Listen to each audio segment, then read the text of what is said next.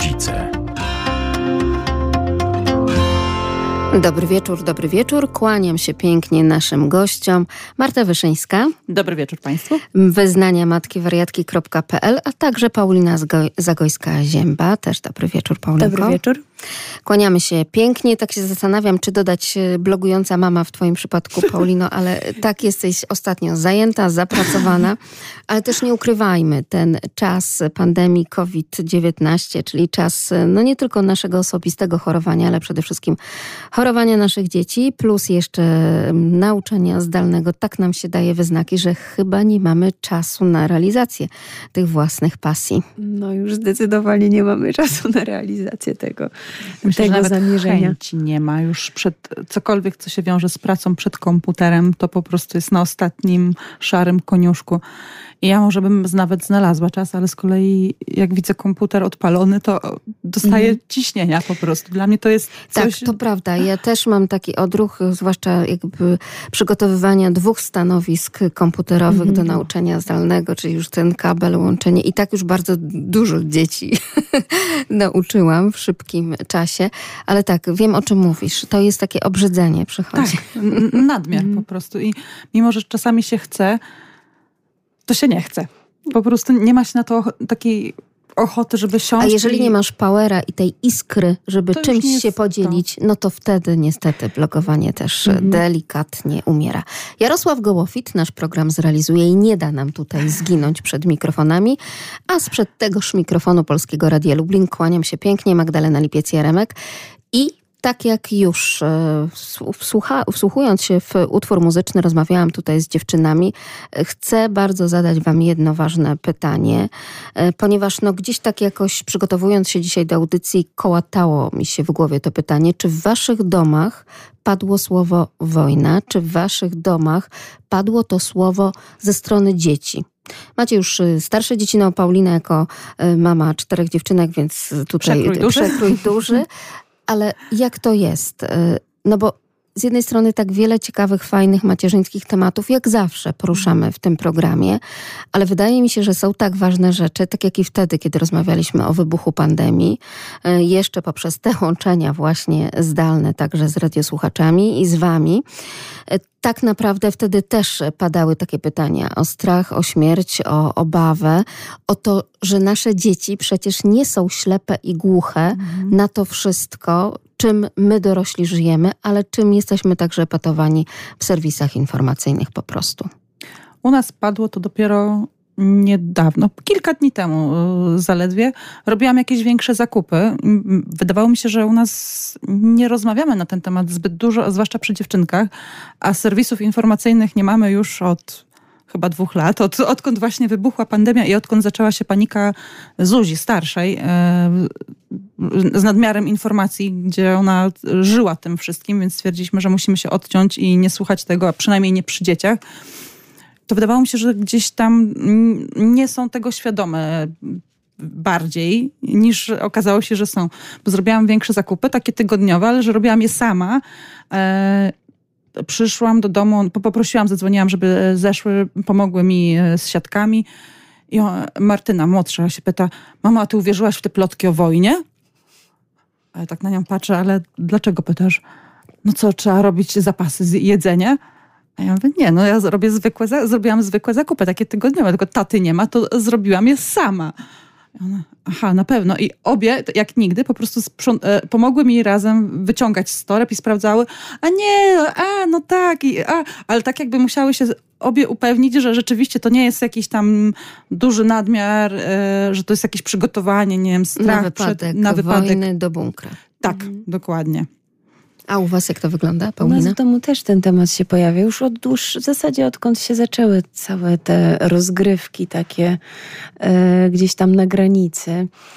E, Tak naprawdę nie wiem, skąd moje dzieci o tym właśnie. usłyszały, ponieważ my w ogóle nie mamy telewizji w domu, więc u nas generalnie się nie ogląda serwisów informacyjnych. Być może gdzieś w internecie natrafiły na jakieś e, reklamy, czy Informacje, Chociaż skróty jakieś. musiałoby to być naprawdę coś bardzo takiego spontanicznego. Bo nie im się- szkoła, bo jesteśmy teraz nie, w czasie bo ferii. byliśmy, tak, jesteśmy w czasie ferii. Czy to się pojawi... A, przepraszam, to chyba było związane gdzieś e, ze zdalnym jeszcze nauczaniem, bo, bo moje dziewczyny miały miały lekcje zdalne i już wtedy gdzieś ktoś, któryś z dzieci zaczęło mówić o tym i, i wtedy ten temat się rozpoczął, jeszcze no w styczniu. Tutaj na zasadzie takich rozgrywek politycznych te informacje pojawiały się już od mhm. dłuższego czasu. Dokładnie, więc wtedy ten temat pierwszy raz się pojawił. E, najbardziej moja druga córka jest taka wrażliwa mm, na ten temat i generalnie na tematy związane z cierpieniem, śmiercią, więc ona dużo zadaje pytań. E, nawet o, mieliśmy takie sytuacje, gdzie, gdzie płakała była bardzo poruszona. Mocno to do niej e, gdzieś dociera, że, że ta śmierć jest też blisko, nie? No ma świadomość, gdzie jest to Rosja, gdzie jest Ukraina. Właśnie też o to chciałam zapytać, tak? Bo jakby z tym wiążą się takie konkretne informacje mhm. geopolityczne. No tak. Które no, na, na jakimś tam etapie kształcenia dopiero dzieci poznają i to wcale nie jest klasa 1-3, prawda? No ale myślę, że już dzieciaki, które nawet trochę czytają, y, gdzieś dotknęły Które mają globus w pokoju. Dokładnie które podróżują to, też, bo tak. nas dziewczyny wiedzą, że byłyśmy pieszo przez kładkę y, na Ukrainie, że mama do Lwowa pojechała z koleżankami, albo to one no, też podróże dużo. Mhm. Znaczy kwestia tego, w jakim regionie przyszło nam też, żyć, tak. Y, też ma znaczenie. Po sąsiedzku. Dokładnie, mhm. więc też y, mamy znajomych z Białorusi, tak więc wiedzą, gdzie ta Białoruś się znajduje i co się zaczęło dziać jakiś czas temu na granicy z Białorusią. Także te tematy nie były obce w naszym domu ale no my generalnie staramy się rozmawiać dużo na spokojnie. No ja jestem osobą wierzącą, więc my po prostu się modlimy i zachęcamy do modlitwy nasze dzieci i naszą córkę to akurat uspokaja i, i daje jej bardzo dużo takiej, takiego pokoju wewnętrznego. Widzę, że ona się najbardziej martwi o te dzieci, które tam będą cierpieć, jeśli będą. E, o te, które mogły stracić rodziców, jest taka bardzo wrażliwa na te mm, na cierpienie po prostu tych ludzi. Pamiętam, kiedy we wrześniu rozmawialiśmy o kolejnych rocznicach wybuchu II wojny światowej i wtedy rozmawiałyśmy także w kontekście lektur, które możemy mm, prawda, podrzucać e, dzieciom i które możemy z nimi jakby przepracować, przeczytać. Ty, pamiętam, Paulina, mówiłaś o Asiuni, tak? O, mhm. Cała seria tych książek jest. Tak, jest cała mhm. seria taka książek e, wojny, e, wojny dorosłych, historie dzieci, tak, historie tak. dzieci wojny mhm. dorosłych. Fantastyczna piękna, straszna, seria. ale piękna. Tak, ale akurat mhm. są tak napisane te książki, moje dziewczyny chyba większość mają no tak. i większość czytały, pomimo, że tam wiek był trochę wyżej. One są zupełnie inaczej napisane niż Dokładnie. te podręcznikowe właśnie, bo my też e, właśnie wszystkie tak. mamy i wszystkie chyba czytamy. My co roku powtarzamy, bo to się nie mhm. pamięta, ale one są o tyle fajnie napisane, że one nie pokazują tej krwawej wojny, takiej, mhm. że tam jest, e, nie wiem, bomba wybucha i rozrywa ciała, to co się widzi w filmach sensacyjnych, tylko to jest o przeżyciach dzieci, o tym, że miały rower, jeździły na rowerze, a nagle tego roweru nie, nie wolno było im jeździć. Takie, takie codzienne sytuacje, które wydawają, wydają się e, zwykłe, a zarazem coś jest nerw, nerwowego, bo dlaczego nie Jeszcze mogą? bardziej chyba uderzają, no bo jeżeli jest zabrana taka codzienność, taki no właśnie, rytm tak. bezpiecznej mm. codzienności, prawda, nie wiem, z tym kakao na śniadanie no i no bo tutaj kwestia mm. oczywiście dochodzi także głodu, no i tego ciągłego strachu i jednak mimo wszystko tych gdzieś w oddali wystrzałów, to z pewnością to jeszcze bardziej przemawia, ale tak pomyślałam sobie w nawiązaniu do tamtej rozmowy wrześniowej, z okazji kolejnej rocznicy wybuchu II wojny światowej, jak trudno teraz nawet taką e, lekturę przełożyć, prawda? Może nawet jeszcze trudniej tym dzieciom, które przeczytały taką lekturę, mhm. że ta wyobraźnia może pracować bardzo do przodu. I ja też zauważyłam, jak bardzo pokolenie naszych rodziców to jeszcze bardziej przeżywa, dlatego że ono było, tak jak i pokolenie ich rodziców, to uchronione, prawda? Mhm. Całościowe, czyli ich i dzieciństwo było po prostu w czasie pokoju, aż do czasu emerytury. Natomiast no, to, co się teraz zaczyna niestety dziać, no, może takie piętno strachu bardzo duże przynieść, zwłaszcza, że jeszcze ciągle jesteśmy w złym stanie psychicznym, bo pandemia nadal mhm. trwa, tak? I to nie jest nic przyjemnego. Dokładnie, chociaż a propos tych lektur, to y, byłam zdziwiona, bo moja, właśnie moja druga córka Znalazłam ostatnio, będąc w bibliotece swojej szkolnej, książkę Wojna, która uratowała mi życie. E, bardzo mnie jakoś tak zafrapował ten tytuł, więc ją lekko przejrzałam, i, e, ale nie wypożyczyłam. Stwierdziłam, że zapytam dziewczyn, czy w ogóle zech, zechcą ją przeczytać. I właśnie byłam bardzo zdziwiona, bo właśnie ona poprosiła, żebym jej tą książkę wypożyczyła, jak tylko wrócę do pracy. Że mam, mam takie poczucie, że ułaskawia trochę to, ten temat w momencie, kiedy o nim może czytać, kiedy też może przeczytać historię chociażby czy Asiuni, czy tam jest bodajże Ada chyba w tej, w tej książce. Yy, dzieci, które owszem przeżyły tą tragedię, natomiast przeżyły że to nie jest tak, że śmierć dotyka wszystkich, nie? Że, że, że to też yy, jest tragedia, owszem, jest dużo cierpienia, bólu, ale że to może się potoczyć w bardzo różny sposób, ta cała historia, nie? I e, mam wrażenie, że dla niej to jest takie ułaskawianie trochę tego tematu, właśnie czytanie y, książek. A czy nie zmroziło was to słowo wojna w ustach waszych dzieci, nie podczas nauki, mhm. lekcji historii, tylko właśnie w takiej codziennej rozmowie przy tych zakupach na przykład, e, Marta? No, mnie tak zamurowało. Może ja myślę, że taka twoja też taka pierwsza reakcja obronna i taka y, rodzica, a dlaczego pytasz? Tak? No bo wiadomo, że to też był taki moment, że to ty musiałaś zebrać myśli. Tak, do, dokładnie. E, może nie, nie, nie dlatego, dlaczego pytam, bo ogólnie o wojsku, wojsko u nas nie jest tematem obcym przez to, że e, Grzegorz pracuje, więc e, kontakt z tymi wojskowymi elementami wojskowości jest I na co dzień. Tak. I militaria. E, Martyna sama strzela, ale tak na początku mm, no no, no coś się dzieje. I no, moja pierwsza myśl to było, gdzie, czy usłyszały to gdzieś od nas, gdzie rozmawialiśmy między sobą, co tam się dzieje, bo szczerze mówiąc, ja cały czas tylko dowiaduję się od Grześka. E, staram się nie, nie słuchać nikogo. Moja babcia też e, od swojej e, e, rodziny dowiedziała się dalej tam po telefonach, żeby wyciągać pieniądze że z banków, bo po prostu najróżniejsze plotki chodzą, że, że będzie wojna. No zaczyna się też taka po prostu panika. panika tak, wojenna. i dlatego... E, czyli te zakupy, czyli te pieniądze. Tak, dlatego staram się unikać właśnie i no, w domu nie słuchamy, żeby...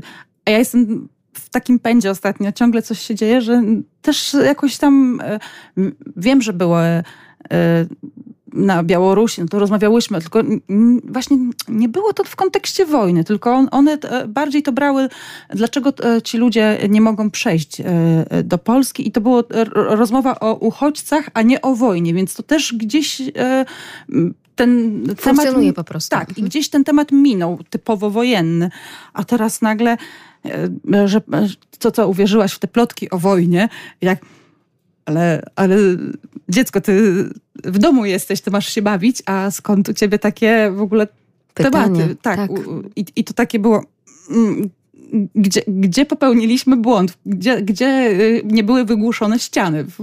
I co teraz mówić? Ale, ale czy zdajesz sobie też z tego sprawę, że nie da się tak naprawdę no tego no wygłusz, nie da. Mm. wygłuszyć, tak? I tego, żeby Dlatego trzeba rozmawiać te ściany właśnie. nie zaczęły mówić, tak. wręcz przeciwnie. Mm. Znaczy ja myślę, że dzieciaki będą, jeśli w ogóle rzeczywiście dojdzie do jakichś konfliktów takich zbrojnych, w które i Polska będzie zaangażowana, to myślę, że im więcej będziemy rozmawiać z dzieciakami, im bardziej będą słyszeć, że owszem, my też się niepokoimy i też no mamy w sobie mm. strach i też mamy w sobie jakieś e, takie wątpliwości, mm. takie trudności trudności, e, no to to nie znaczy, że mamy, nie wiem, przestawać być w tej swojej codzienności i siąść i teraz tylko przed telewizorem i, i no czytać e, mhm. co wiadomości, newsy powiedział i... ten czy mhm. tamten pre prezydent, czy premier, czy tam nie wiadomo jaki polityk, tylko po prostu na razie żyć codziennością i robić co możemy. E, także wydaje mi się, że właśnie im więcej rozmów, tym, no przynajmniej ja patrzę na swoje dzieci, tym one są bardziej w tym z nami, też dzielą się z nami tymi swoimi trudnościami, wątpliwościami.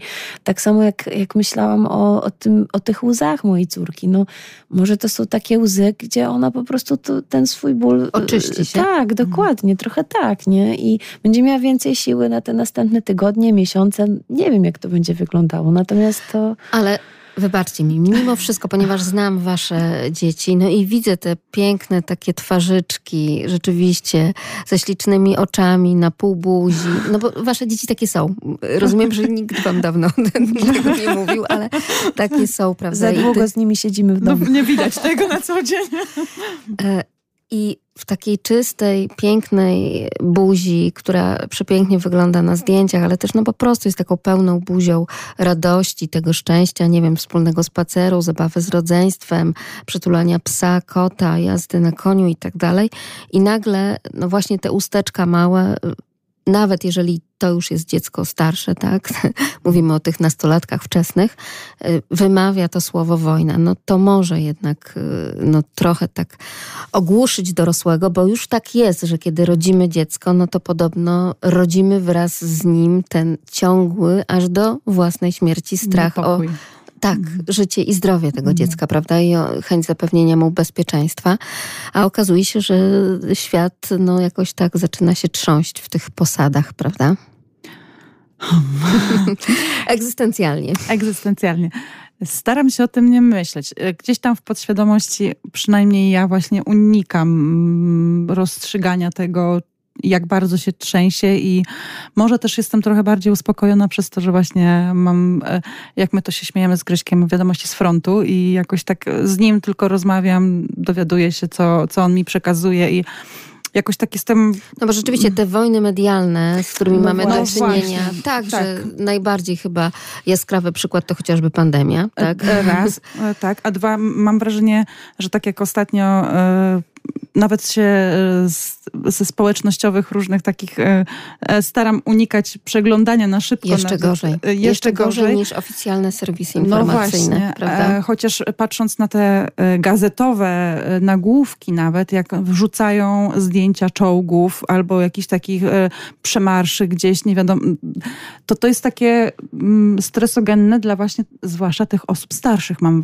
mam wrażenie, -hmm. które na przykład E, zajmują się, podczas gdy rodzice pracują, tymi młodszymi dziećmi i ten strach przerzucają na te najmłodsze dzieci wtedy.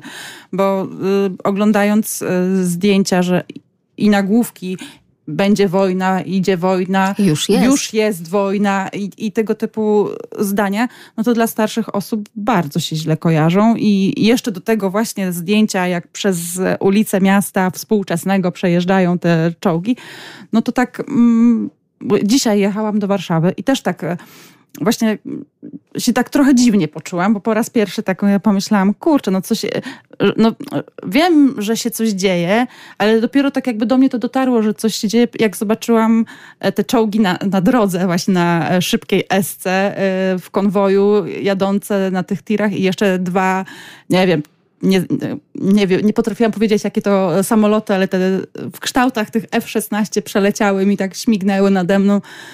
No, no coś tutaj jest, no jesteśmy na tej granicy i to coś się dzieje. I tak dopiero dzisiaj tak do mnie fizycznie wręcz doszło, że no, mhm. ten świat się trzęsie, ale cały czas staram się żyć tu i teraz i no, nie, wy, nie wychodzić nigdzie za daleko i, i cieszyć się z tego, że, że póki co jesteśmy na, tej, e, na tym stanowisku, gdzie możemy pomagać i wspierać, a nie brać udział w tym mhm. wszystkim. Ty, Paulina, po feriach wracasz do pracy. Tak. Jesteś pedagogiem. E, wprawdzie nie jesteś wychowawcą akurat w klasie tam powiedzmy 1-3 na mhm. przykład, ale, ale nawet w tych starszych. A, no właśnie. Mhm. Tak się zastanawiam nad tym, e, no bo jesteśmy sobie chyba w stanie jako dorośli wyobrazić, że być może takie pytania też będą kierowane do nauczycieli, a nawet częściej jest to tak jak też i z pandemią było, prawda? Mhm. Że jeżeli dziecko nie dostało takiej satysfakcjonującej odpowiedzi, albo często też, no nie wiem, poczuło, że trochę jeszcze za mało ci rodzice mu powiedzieli. Przecież mm. to dzieci też, no, nauczyciel dla nich, ciągle jeszcze, no chcemy w to wierzyć, no jestem autorytetem wiedzy, tak? Czy, czy tym nośnikiem mm. wiedzy. Więc rzeczywiście być może takie pytania będą także e, do ciebie kierowane jako do nauczyciela. Czy, czy jesteś w stanie sobie, nie wiem, wyobrazić, czy mm, pomyśleć o tym, co można by było powiedzieć, nie wiem, stając e, przed taką klasą? Czy myślisz, że nauczyciele w twojej szkole podejmą się takiego wyzwania? Na pewno, jeśli zostaną zapytani i będą mieli coś do powiedzenia, to na pewno odpowiedzą na takie pytania. Ja generalnie preferuję prawdę, więc po prostu będę mówić to, co uważam, czy to, co y, wiem. Jeśli czegoś nie wiem, to powiem, że nie wiem. I podobnie jest z, z wojną. Nie wiem, czy ona wybuchnie, czy nie. Media mnie y, odstraszają bardzo w ostatnim czasie już i, y, i, i dlatego nawet tego nie czytam. Y, już nawet widzę, że mój mąż nie może tego czytać, a to znaczy, że już naprawdę jakieś apogeum ma miejsce. Także uczniowie myślę, że będą bardzo nasiąknięci tym, co się dzieje, bo oni jednak niestety żyją mediami. Żyją mediami i e, żyją tym, co się dzieje w internecie i są przez e, właśnie jako żniwo zdalnego nauczania jednak trochę pouzależniani od komputerów, więc myślę, że będą wiedzieć znacznie więcej niż my, jakichś nowinek różnych. Mam i... wrażenie, że znacznie więcej, znacznie większej sieczki, tak? Bo tak no, naprawdę tak, w tak. mediach mhm. społecznościowych, y, no to jest teraz naturalne środowisko mhm. życia, często właśnie nastolatków. Tak naprawdę te wiadomości przekazywane z ust do ust takimi wyimkami, tak? Bo to, to nie są takie poglądowe wiadomości, y, takie rzeczywiście geopolityczne, sprawdzone, mm. tylko no właśnie kto... Takie bardzo propagandowe, tak. takie stronnicze, one są niczym niezweryfikowane. Wybiórcze. Działające na emocjach i tak. negatywnych, które pobudzają jeszcze mm. bardziej do... Wybiórcze bez mm. takiego oglądu na mhm. całokształt, prawda? No, bo łatwo jest wrzucić tam jakiś post o tym, że... Idzie wojna. Tak, czy, że już, prawda? Już, Tutaj tak. zaatakowali tyle i tyle bomb mhm. spadło i tak dalej. Ale z drugiej strony, co zrobić też, żeby nie przegiąć w drugą stronę? Czyli żeby nie bagatelizować też. Żeby mówić o tym, że coś się dzieje, tak jak właśnie mi się wydaje, że no, no bo się dzieje. Bo mówimy, mhm. że no to, jest, to są nasi sąsiedzi. Wprawdzie po drugiej stronie jakby ich e, kraju i to jest bardzo daleko stąd, ale to są nasi sąsiedzi, więc e, z jednej strony i blisko i daleko. E, my jesteśmy na tej granicy Unii Europejskiej, więc jesteśmy tą flanką wschodnią, no i tutaj, jak, jeżeli będziemy, nawet jeżeli do czegokolwiek by doszło, no to po naszej stronie, jeszcze my tutaj właśnie w naszym województwie, wzdłuż tutaj tych województw na linii, no to będą się zbierać różne wojska, żeby mogły iść dalej. No one tak. niekoniecznie będą tutaj, niekoniecznie stacjonować, tutaj stacjonować mhm. ale one będą tutaj wyrzucane, żeby mogły iść pomagać tam dalej, więc tego wojska na pewno będzie się, jeżeli dojdzie do czegokolwiek, pojawiało coraz więcej, ale to i o tym mówić, tylko o tym, co jest tu i teraz, co, co się dzieje rzeczywiście, a nie o tym jednym słowie właśnie wojna, bo to brzmi dosyć e, dramatycznie i myślę, że nie ma mm, ta wojna e, jest tak zwana hybrydowa, e, ale to słowo tak, no samo w sobie niesie tak negatywne i tak olbrzymie emocje, że myślę, że dzieciakom, nam to jest w ogóle niepotrzebne właśnie. Nie dość, że ta pandemia jest tak,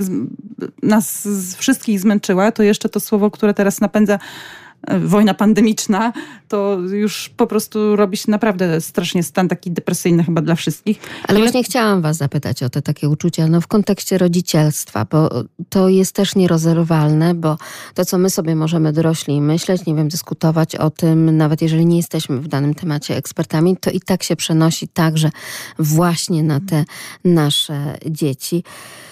Otóż to, bierzemy głęboki oddech po pandemii, po kolejnych zachorowaniach. Powiedz mi, Paulina, jak ty odzyskujesz siły i czy w czasie ferii udaje ci się trochę odpocząć? Ja wiem, że y, ciężko jest mówić o tym, że rodzice odpoczywają w czasie ferii, jeżeli dzieci są w domu, tak? Chyba, że część dzieci może udało się gdzieś tam na jakieś nie, półkolonie. odpoczywam, naprawdę. Ja czuję Bo nie ma fakt, chociażby że nie muszę wstawać o piątej rano. No, to już jest... I zdalnego e, nauczania, nie? Tak, to już jest naprawdę bardzo duży y, plus i, y, i możliwość e, odpoczynku, zdecydowanie.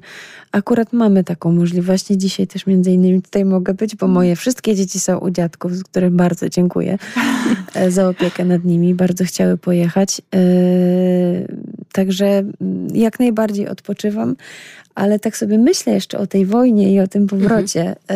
I ja generalnie mówię o faktach o tym, co wiem. Opisuję fakty moim uczniom, jeśli mnie o coś pytają. E, raczej nie staram się wyrażać swoich osądów, czy swojego takiego... A nawet cytować komentarze. Ja też ostatnio nie, tylko po prostu coraz częściej tak fakty. cedzę te, mhm. te rzeczy. I myślę, że dzieciaki bardzo często zadają pytania po to, żeby po prostu mieć wiedzę, żeby dostać odpowiedź. Nie, to nie musi być odpowiedź pełna, to nie musi być odpowiedź, nie wiem, jakaś wielozdaniowa, ekspercka, ekspercka mhm. właśnie z całą radą, jak przetrwać wojnę, w ogóle gdzie zbudować Czyli uważasz, że tylko... nawet to nie musi być odpowiedź taka uspokajająca? Nie, ja uważam, że prawdziwa przede wszystkim, opisująca mhm. fakty, bo dzieci naprawdę dużo wiedzą. Jeśli ja nawet mam familii linki, nie wiadomo co, wobec moich córek, one naprawdę już potrafią znaleźć sobie takie sposoby, żeby i tak to, co chcą odnaleźć w internecie, że każde dziecko ma takie swoje sposoby i, i tylko... Jak my nie powiemy, to ona sobie poszuka w internecie, Oczywiście. gdzie dostanie dwa razy gorsze wiadomości, bo właśnie na, no nacechowane tymi negatywnymi... A jak dostanie od nas fakt, dostanie od nas konkretną odpowiedź, nawet jeśli ona jest bolesna, y, to no, dzieci muszą się z tym mierzyć. To nie one da potrafią, się... nam się wydaje, że się nie potrafią zmierzyć, ale właśnie one chyba łatwiej, e, łatwiej trawią te czyste fakty, mhm. a nie emocjonalną no właśnie, właśnie, taką e, breję informacyjną. Jeśli my tym faktom brzydko. nadamy konkretnego już e, emocjonalnego wydźwięku. To one te tak, emocje no to przejmą to, to najpierw, przejmą, a dopiero dokładnie. potem będą myślały o tych faktach, więc e, tak, zgadzam się całkowicie. Trzeba być ostrożnym, tak, też w, w e, rozmowach na ten temat. Czyli dobrze, że są ferie? Tak. Tak, bardzo dobrze, bo odpoczywamy, chociaż już się kończą, no ale. Jeszcze cóż, nie. Dopiero się zaczął drugi tydzień. Już wtorek. ale jeszcze chwilka, żeby później powstawać. No to tak. Jesteś takim tym, że już w sierpniu robi wyprawkę, bo to takie wakacje się kończą. Sierpień, ja mówię, gdzie dopiero się zaczynają. Tak, nie, to tutaj to jeszcze o tym sobie mam nadzieję porozmawiamy. A e, jak wyglądają ferie w waszym domu?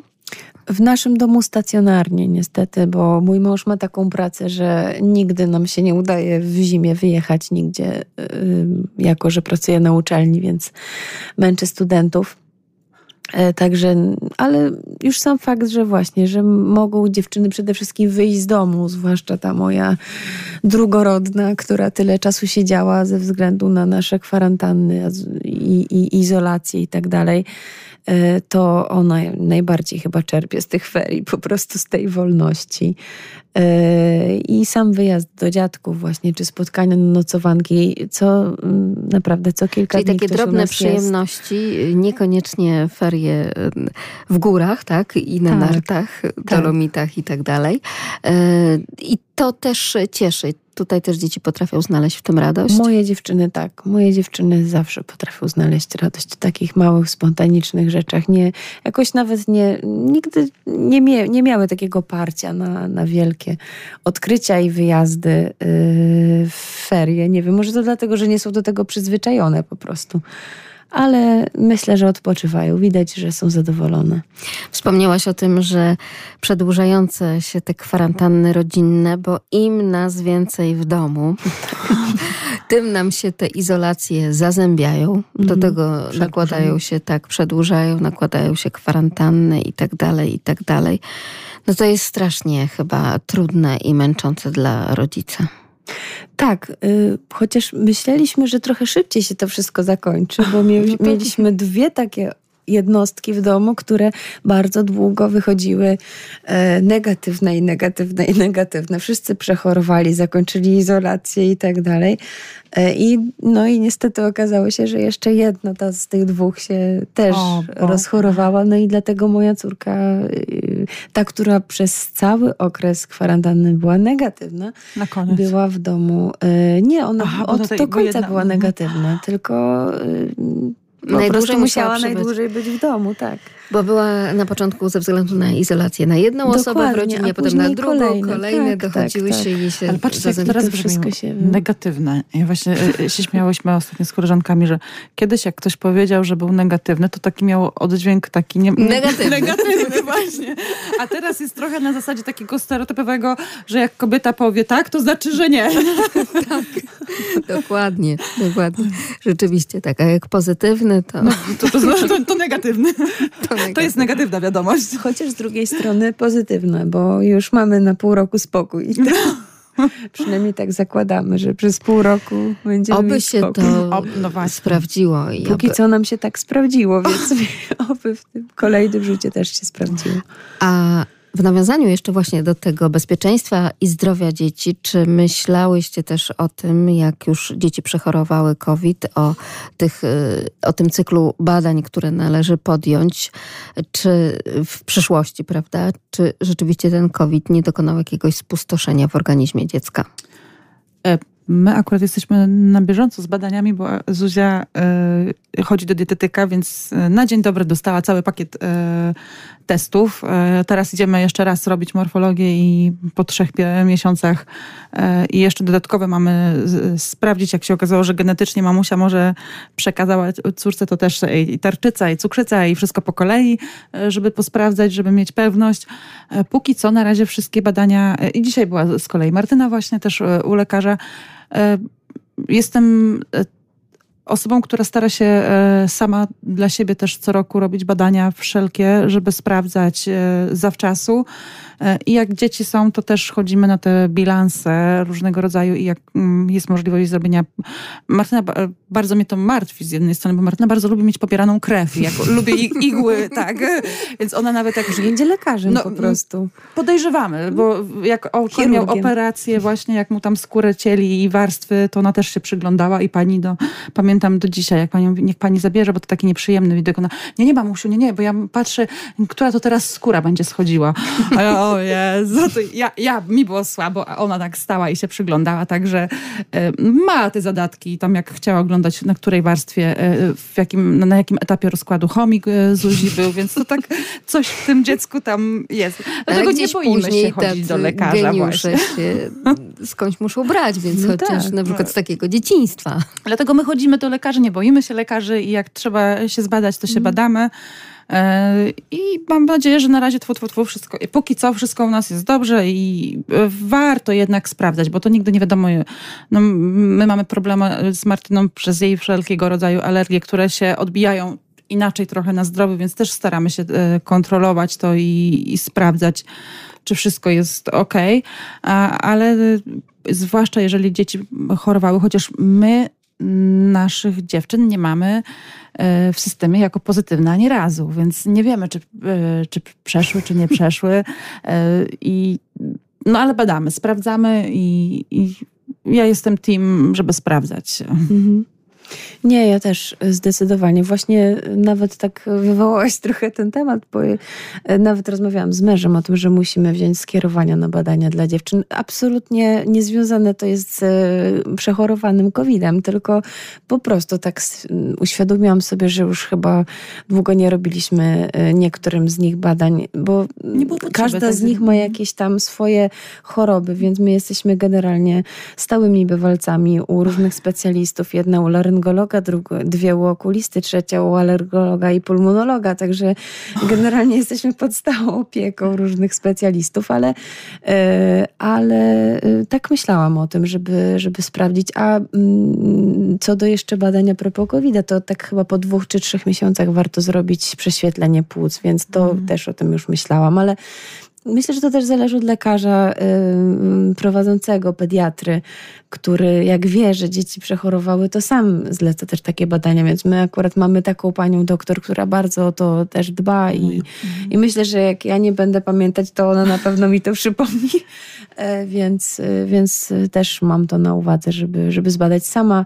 Też y, miałam prześwietlenie, żeby sprawdzać po pierwszym przechorowaniu i teraz też y, na pewno będę to robić, tym bardziej, że y, jeśli jest utrzymujący się długo kaszel, a moja córka jedna jest astmatyczką, więc u drugiej też zaczynamy podejrzewać jakieś alergie takie wziewne, więc y, warto to sprawdzić, bo te płuca po prostu skrzela są y, delikatniejsze, nie? Może tam większe spustoszenie być.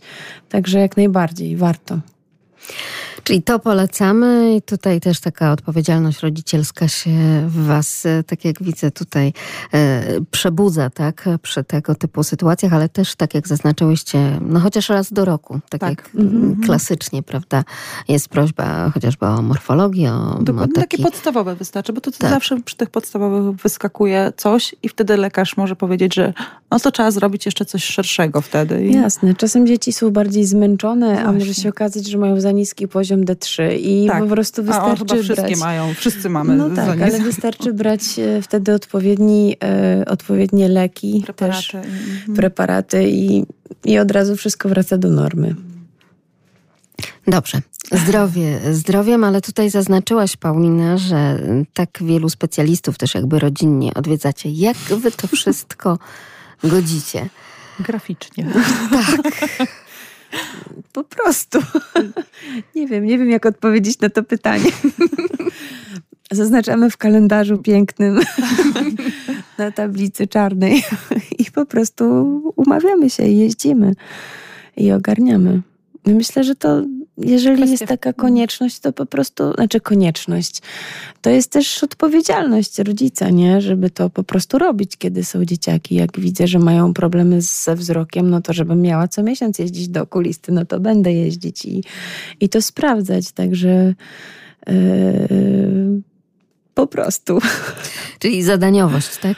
To jest się takie, włącza. Znaczy, takie naturalne, naturalne dla tak mnie to jest bardzo. Nie, nie wiem, nie znam e, rodzin, w których byłoby jakoś inaczej, więc może, e, może to jest też e, dla, dla mnie takie naturalne. Natomiast e, słyszałam e, o rodzinach, w których bywa inaczej, e, że te dzieci naprawdę czasem są zaniedbane. No i to jest mi przykro tylko z tego powodu i, i szkoda tych dzieciaków, ale no cóż, ja robię co mogę. Właśnie wiemy, że robisz co możesz. Cieszymy się, że dzisiaj jesteś. Wiemy też, że potrzebowałaś odpoczynku i stąd też e, słuchacze też się za tobą e, stęsknili. Rodzice małpka.radio.lublin.pl za takimi naszymi wspólnymi e, rozmowami, no bo to jednak takie szersze spektrum tych, którzy opowiadają, jak to u nich tam w domu jest. No bo ja tutaj po prostu pytając cię o to, myślałam o tym, jak łączysz to wszystko, opiekę, odrabianie, nie wiem, czy, czy tak, bo wiem, nie odrabiasz z dziećmi lekcje, ale no jakby w ogóle przebywanie z dziećmi, mhm. tak, w domu, ale też e, no kwestie no właśnie, własnego życia, jak żyć. Znaczy, my bardzo dużo dzielimy rzeczy z mężem, więc to nie jest tak, że to są tylko rzeczy należące do mnie. Pewnych, pewne y, tematy ogarnia on, pewne ogarniam ja. Y, nie wiem, ja jadę na basen, on idzie do okulisty, albo odwrotnie i, i raczej staramy się oboje układać tak swoje i pracowe grafiki i, i te wizyty wszystkie, żeby po prostu móc się wymieniać i uzupełniać, a nie na zasadzie takiej, że ja jako matka, no to ja mam się tym wszystkim mm. zajmować. Bo Absolutnie, jesteś matką, Bo tak? jestem matką, tak. Absolutnie, zupełnie. Mam wrażenie, że częściej nawet mój mąż jeździ do niektórych, ja niektórych lekarzy nawet nie widziałam na oczy, bo tylko on do nich jeździ, bo przyjmują tak w takich godzinach, że ja, mi to po prostu nie odpowiada, a jemu to odpowiada, więc on jeździ. Także to są e, naprawdę, to jest kwestia tego, żeby sobie to poukładać w domu, rodzinnie. E, I, i tyle. Ja wiem, że tak, ład, tak y, ładnie to wszystko brzmi, no ale wiadomo, że przy tak dużej liczbie osób, przy dużej rodzinie, no to jednak tych spraw y, po prostu w każdej minucie może się narodzić. Jasne. Y, o wiele, wiele więcej. Ale to dobrze, że mówisz tutaj o takim podziale, o czymś, co jest dla ciebie naturalne, no bo wiemy, że to nie jest takie oczywiste dla, mhm. dla wielu ojców. To jest też tak, tak że teraz na przykład w mediach często mówi się o tym, jak bardzo ojciec powinien się już od pierwszych tych, prawda, mhm. godzin narodzenia dziecka z tym dzieckiem przebywać, być, integrować, tak, ale no, no chodzi po prostu, żeby też wychowywał, tak, współwychowywał mm -hmm. i przejmował też te wszystkie obowiązki, które również ma mama. I okazuje się, że y, badania mówią o tym, że ojcowie jak najbardziej tak, bardzo wielu ojców lubi pogilgotać, zmienić pieluszkę. To już teraz nie jest żaden problem, nie. Natomiast kiedy dziecko jakby tam w miarę dorasta i zaczyna z takiego pięknego brzdąca być już e, kimś, kto pyskuje i trzaska drzwiami, no to tym niech się już mama zajmie. Tak jak, jak jest jakiś tam e, problem, to tutaj nagle dezercja. Tatusia. Zaczął, e, ja mam mam wrażenie, że jest odwrotnie wśród znajomych właśnie, że do tego drugiego roku życia to tak te, a to tatusiowie właśnie tylko tyle, co po kilku Ja tutaj mówię o takim pokoleniu, co? które teraz jest a, jakby, może teraz się trochę zmienia. Jeszcze troszkę młodsze niż... To, to, może się zmienia, bo tak jak właśnie po znajomych, tak, to ja pamiętam, że do tego drugiego roku życia to było tak, że e, to taki bobas, to przy, że tak przy, powiem brzydko przy cycku, to, to, to, to mamy taki bobas, że to przyjdzie to tatuś da buziaczka w czółko, tutaj e, grzechotką. E, na spacer pójdzie, to tak, pamiętam, jak o tym rozmawialiśmy tak, jak rozmawiałyśmy właśnie, mama e, mhm. całą wyprawkę, wózek wstawi, dziecko wystawi, a tatuś tylko za rączki chwyci. E, u nas też jest tak jak u Pauliny, że jest e, podział taki mm, bardzo wyrównany, bym powiedziała. I pamiętam, że nawet Grzegorz po dziewczynach jeszcze pracowaliśmy e, w Norwegii, to miał e, ten e, miesiąc tatusiowego, więc był ze mną cały czas i, i, praktycznie on się zajmował bardziej Zuzią niż ja, przez to, że ja miałam tą depresję poporodową, byłam po porodzie w bardzo ciężkim stanie też, więc on plus moja mama, plus jego tata, tak, to był taki team, który mnie i Zuzię w sumie bardzo wspierał. Ale teraz y, jest coś takiego, że się śmiejemy, że właśnie Grzesiek stwierdził, że jak y, Zuzia czasami tam zaczyna już trzaskać właśnie drzwiami, on jak y, Zuzia będzie miała okres, jak Martyna będzie miała okres, jak ty będziesz miała okres, to ja będę w pracy siedział 24 godziny na dobę. Oczywiście. Za dużo hormonów. Tak, za dużo hormonów. Także się, się śmieję, ale e, jak trzeba, to y, oczywiście ja tylko dzwonię i mówię, musisz przyjechać porozmawiać z dzieckiem, bo zaraz ja ją przez e, balkon, znaczy nie mamy balkonu, ale przez okno e, na główkę wyrzucę. Więc e, wiem, że przyjedzie po, po pracy i on zamknie się z nią w pokoju, albo gdzieś pójdą, albo porozmawiają, bo są takie takie momenty, gdzie e, albo mama wybucha, albo tata wybucha i, i zawsze mhm. jest e, ta druga opcja, która właśnie... I tutaj trzeba się wymieniać, tak? tak? A jak tam najstarsza wasza nastolatka, Paulina? żeby mówić. Może mnie słucha. Wspaniałe dziecko to jest. Tak? Oczywiście, bardzo ją kocham. E, dużo mamy takich ciężkich rozmów ostatnio, ale myślę, że ważnych bardzo. Y, poważnych, ważnych i y, w których właśnie najczęściej ostatnio oboje uczestniczymy.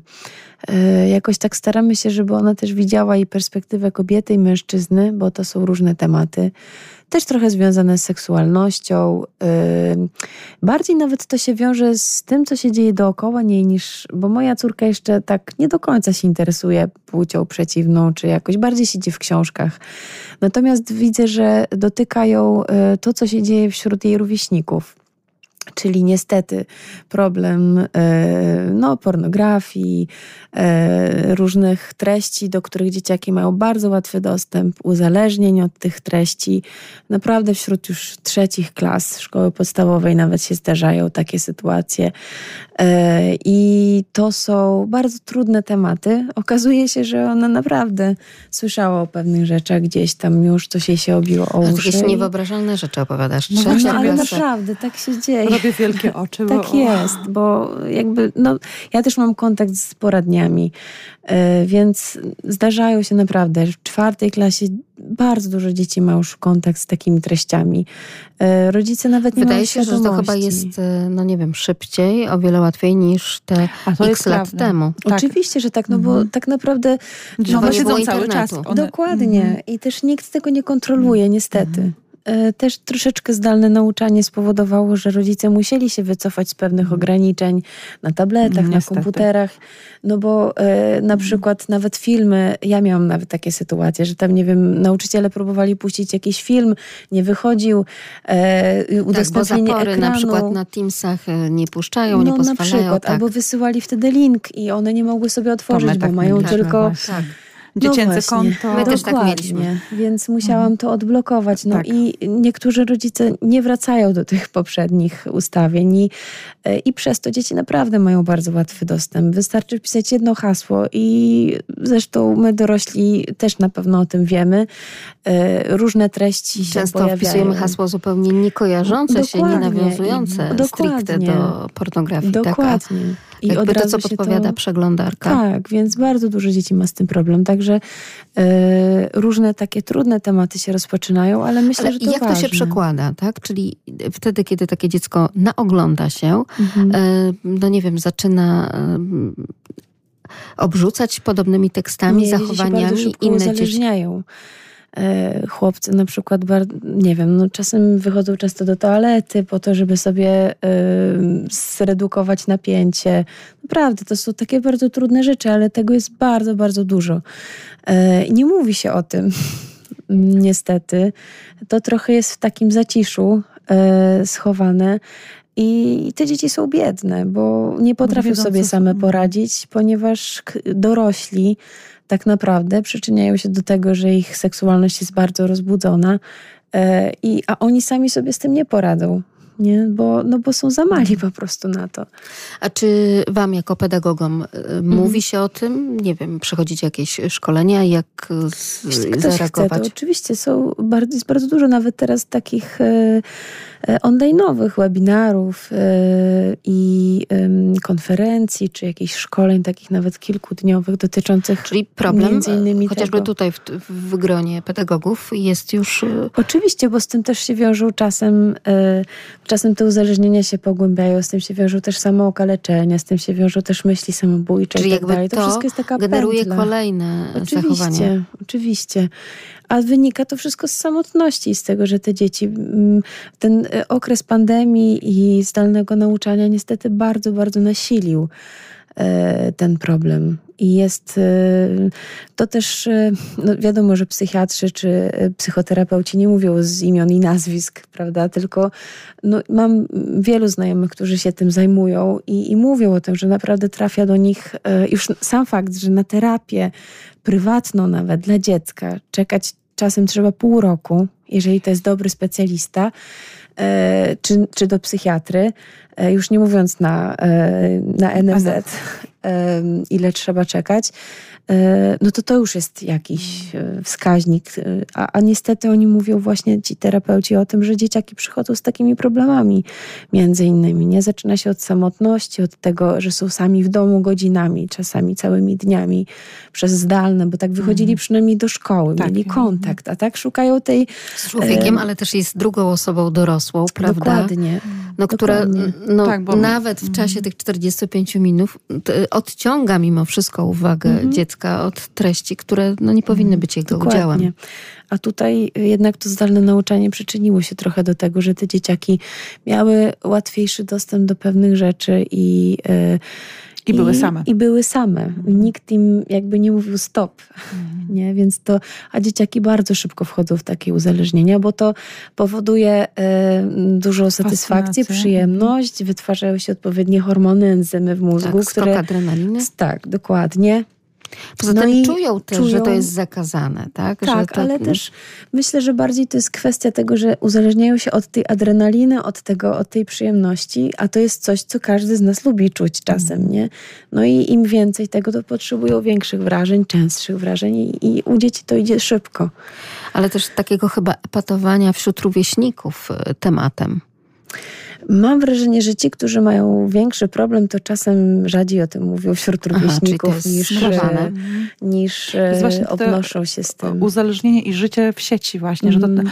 one szybciej będą z jakimiś tam znajomymi, których gdzieś przy okazji Tak. właśnie przez przypadek poznają i w, na danych stronach gdzieś tam będą Mhm. rozmawiały z, w internecie właśnie, a nie wśród, Mhm. bo na początku będą się wstydziły i w ogóle nie będą czuły potrzeby, żeby się dzielić pod, z takimi informacjami, a Mhm. dopiero mm, później będą szukały wsparcia jakiegoś takiego w danym temacie właśnie dalej w internecie, grzebiąc dalej, szukając i większych wrażeń. I znów pewnie po raz kolejny ta domena rodzica, bo to rodzic powinien zauważyć, co złego się dzieje z jego dzieckiem i chociażby podjąć się tych trudów terapii, zapisania nawet jeżeli pół roku e, na taką terapię trzeba czekać. E, No i po raz kolejny ten kontakt z dzieckiem plus to, żeby starać się to dziecko rozumieć, rozmawiać, a nie tylko być takim rodzicem jak tam w szkole i od przypadku do przypadku, tak?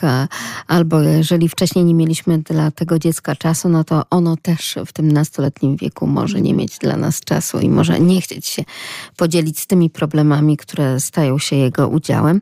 Choć z drugiej strony mówi się o tym, żeby rodzic nie przejmował tych problemów dziecka, tylko pomógł je rozwiązywać właśnie jemu samemu, bo to też kształtuje charakter.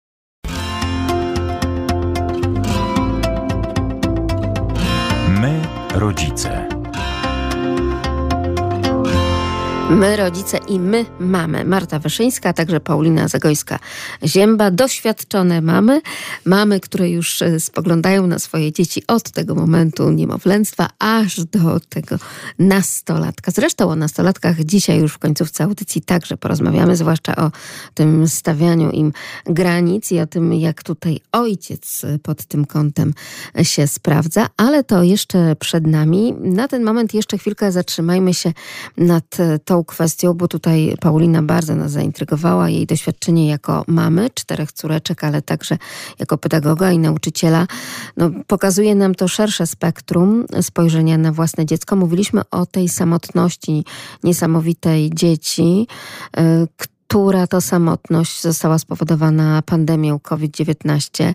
Ja pamiętam ciągle gdzieś te głosy nauczycieli, którzy mówią, że tak naprawdę ta ikonka na e, laptopie wcale nie oznaczała, że to dziecko naprawdę jest, jest aktywne, a być może właśnie gdzieś tam w drugim oknie obok e, ogląda coś, co, co nie jest dla niego przeznaczone i nie mm. uczestniczy w tych e, zajęciach. To jest strasznie taka smutna też prawda tego wszystkiego, z czym mierzyć się chyba jeszcze będziemy w kolejnych latach nauczania i, z czym także mierzą się rodzice. Zresztą rodzice bardziej chyba jednak myślą tutaj pod kątem tej mm, merytorycznej strony nauczania, a niekoniecznie tego, jakie jeszcze zagrożenia w, chociażby w internecie napotykało to dziecko. Tylko, że dziecko zawsze może się nauczyć y, tego, co jest w podręczniku. A jeżeli będzie uzależnione od gier, czy od różnych innych treści e, dostępnych w internecie, to nie nauczy się ani jednego, ani drugiego i jeszcze dodatkowo e, do końca życia tak naprawdę będzie w pewien sposób, no nie chcę użyć słowa upośledzone, ale, ale trochę tak. E, I właśnie to jest pewien błąd, który jako rodzice popełniamy, że bardziej nam zależy na efekcie, bardziej nam zależy na ocenach. Czasem nawet rodzice e, dzieciom, no to, to jest widoczne, no, wydaje się tak no nam. No jesteśmy dopiero co po klasyfikacji, tak? No tak, ale wydaje się też rodzicom, że tego nie widać, że oni pomagają dzieciom w pisaniu sprawdzianów i tak dalej. Rysunki. Ja, to, bo wiecie, klasy 1-3 to jest ten etap, tak, czyli no, pracę. Tak. No ale ja też lubię taką szczerość, bo trzeba było wykonać karmik, ale od razu było założenie, przecież to jest jasne, jasne, że mm, dziecko samodzielnie, siedmioletnie, no raczej, nawet Ale jeżeli będzie to jakiś, nie wiem... właśnie bardzo fajne, że no, takie place większe, takie właśnie jak karmik, to było pani napisane, praca dla e, dzieci z rodzicami. Tak, od razu u nas, tak, powiedziane. Tak, tak, u nas mm. też tak samo, mm, prawda? To jakby jest to, znaczy wtedy mamy jasną, klarowną sytuację także dla dziecka, mm, które nie musi tego ukrywać, mm. tylko jest w stanie stanąć przed klasą i powiedzieć, to zrobiłem, bo były takie, dzieci opowiadały, tak, że były takie wypowiedzi, że to zrobiłem z dziadkiem, to zrobiłem z tatą, a ten to z ja mamą, przy, prawda? Ja bo tutaj piękny karmnik, tak, mm. ze sznurka jutowego, owinięty, bardzo taki artystyczny, no widać, że tam po prostu y, mama tak. tak. A już te deseczki czy drewienka, no to mhm. wiadomo, że, że jednak z, z dzieckiem e, rodzic również, czyli osoba dorosła. Natomiast e, wtedy, kiedy mówimy o pracach plastycznych, no także dochodzi do tego taki trudny element no tej rywalizacji, tak? Czyli tego, że jest to praca na konkurs. No i pomimo tego, że w bardzo wielu regulaminach i z pewnością wy też jako rodzice, zwłaszcza ty jako pedagog się z tym spotkałaś, jest jeden z pierwszych punktów brzmi, że praca będzie oceniana pod względem samodzielności. samodzielności. Mhm. I to nie jest tak, że nie wiem, mówienia tak, bo ona jest taka zdolna i to po prostu tak. To, przecież widać. Psychologia i pedagogika mówi ja myślę, o tym, jaką są... kreskę, jak perspektywę widzi tak, dziecko w wieku 7-8 Ale właśnie o tym rozmawialiśmy na lekcji plastyki z moimi uczennicami między innymi, które zrobiły fantastyczne prace na konkurs bożonarodzeniowy. Ja widziałam, jak one wykonywały te prace na kolejnych lekcjach plastyki, dokończały je w domu, robiły samodzielnie w 200% i żadna z nich nie dostała żadnej nagrody, a wygrały prace, które naprawdę, mm, no myślę, że one, no to było niesprawiedliwe po prostu. No dobrze, Natomiast... i czy ty jako nauczyciel masz szansę na to, żeby um, tym, którzy organizują konkurs, czyli, no bo wiadomo, że często są to konkursy międzyszkolne, znam konkurs ten tutaj mhm. Bożonarodzeniowy, to też chyba był mm, taki... Tak, był to taki chyba miejski. Tak, miejski, ogólno. tak. Mhm. Mhm. E, czyli uczniowie ze wszystkich szkół w Lublinie. E, czy ty masz szansę na przykład, nie wiem, dołączyć taką notkę, że poświadczasz, że praca została na przykład przy tobie ja wykonana? Ja nie zgłaszałam tych prac. Nasza Ale nauczycielka o czymś takim warto na przykład na przyszłość pomyśleć. Tak, właśnie trochę o tym rozmawiałyśmy też z nią e, i ona też dziewczynkom jakby powiedziała o tym, że wiecie, podejrzewam, że wasze prace zostały uznane jako te, które nie są samodzielne. Bo niestety, ale rzeczywiście były na tyle profesjonalnie wykonane, że mogły zostać podważone, e, Samodzielność, podważona tak. samodzielność tych e, prac. E, I no właśnie, i ta samodzielność z jednej strony można zauważyć, że to nie jest wykonane przez dziecko w danym wieku, z drugiej strony Są jak to zrobić? jednostki. Myślę, że Mhm. tak, myślę, że rzeczywiście taka notka od y, nauczyciela takie, taka potwierdzająca, że to prace jakby były pod ich, pod jego y, mm, opieką wykonywane i, I że były, poświadcza. tak, i że poświadcza, że to były prace samodzielne. Myślę, że to może być e, rzeczywiście Ja wiem, że są coś. talenty. Ja wiem, że y, właśnie często podczas tych zajęć plastycznych w klasie nauczyć poza tym, no wiecie, no też taki impuls, to esprit, Mhm. tak? Kiedy to nagle e, uczeń wpada na tak genialny pomysł realizacji pracy, no bo też liczy się pomysł Mhm, często w takiej pracy plastycznej, nie tylko to artystyczne wykonanie. I wtedy no widzi i to, i to ma sens, tak? Natomiast te prace później zanoszono do domu i później jakby widać, tak? dokańczane. Tak. Ja myślę, że to są po prostu, mówiąc krótko, chore ambicje rodziców. No Niespełnione ambicje rodziców. I ci, którzy chcą być e, rodzice, nie dzieci właśnie, na piedestale. To są biedne dzieci, które muszą, e, tak jak na początku pandemii, ten pierwszy matematyczny Tak, konkurs, kangurek. który Po prostu zawsze kilka osób tak, wygrywa, a tu nagle trzy pół. Polski biorących udział. I to właśnie świadczy nie o dziecku, tylko o A tym... mówisz tak źle z matematyką w Polsce. No. A o tym, o, o, o rodzicach, no niestety, m, bo e, my akurat mieliśmy taką sytuację z Zuzią na plastyce, która e, idzie w rysunki, ona bardzo ma babcię jedną, drugą po plastykach, więc e, gdzieś te u nas plastyczne Oczywiście. rzeczy gdzieś tam genetycznie się przenoszą. No i ona ma problem, bo wiecznie czwórka, czwórka jakaś tam, bo panu się nie podoba. Ja mówię, Zuzia, widzisz, bo to jest tak, że pan jest starej daty, e, ty idziesz w komiksy i w rysunki anime. e, Jemu, on, on, bo ona mówi, o, bo mu się podoba, że tak e, ten, ale, ale czwórka. No ale jest też coś takiego jak gust. No i niestety gust bywa tak, że mi się podoba. Ja w ogóle nie rysuję, jestem nierysująca, więc mi się podoba to, że ona już w takim m, wieku tak, m, takie potrafi zrobić szkice, takie rysunki. Ale może pan woli e, kształty rubensowskie i, i, i zupełnie w, w innej w ogóle dziedzinie e, plastyki. E, widzisz, pochwalił cię, że to i to dobrze, a no nie wiem, no po prostu też trzeba rozmawiać o tym, że dziecko nie, musi się mierzyć z tym, że nie wszystko wszystkim się podoba. Z jednej strony się z Tobą zgodzę, z drugiej strony nie, bo uważam, że są przedmioty w szkole, w których nie powinien się liczyć gust, czy nie powinny się li- liczyć Znaczy z ja, strony, kiedy ty tak, o tym mówisz, to wiesz o czym jeszcze pomyślałam, że w ogóle y, dlaczego to jest tak oceniane, tak? Y, Tutaj Ważne- mówimy o artyzmie, więc Dokładnie. No, I, tak, ale e, to w artyzmie tak zawsze będzie. Jakbyśmy chciały, to zawsze będzie właśnie, bo to ja też jestem z założenia, że artyzmu się nie ocenia.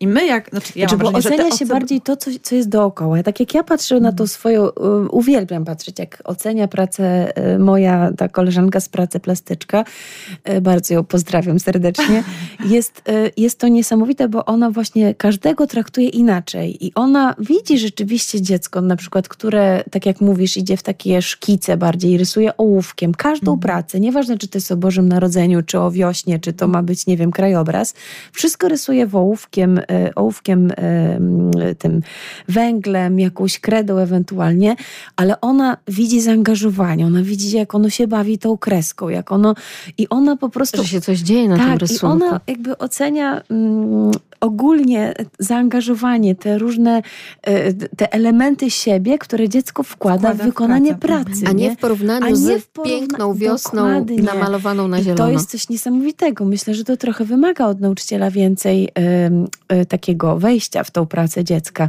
ale właśnie wtedy każdy może mieć z plastyki tą czwórkę czy piątkę, bo i ten, który, y, na przykład moja najstarsza córka jest A plastyczna. Po prostu dla niej to jest najgorszy przedmiot z możliwych. Naprawdę. Nie cierpi tego. Wierzę. Ma po prostu jeży jej się włos na plecach, jak słyszy, że ma dzisiaj plastykę.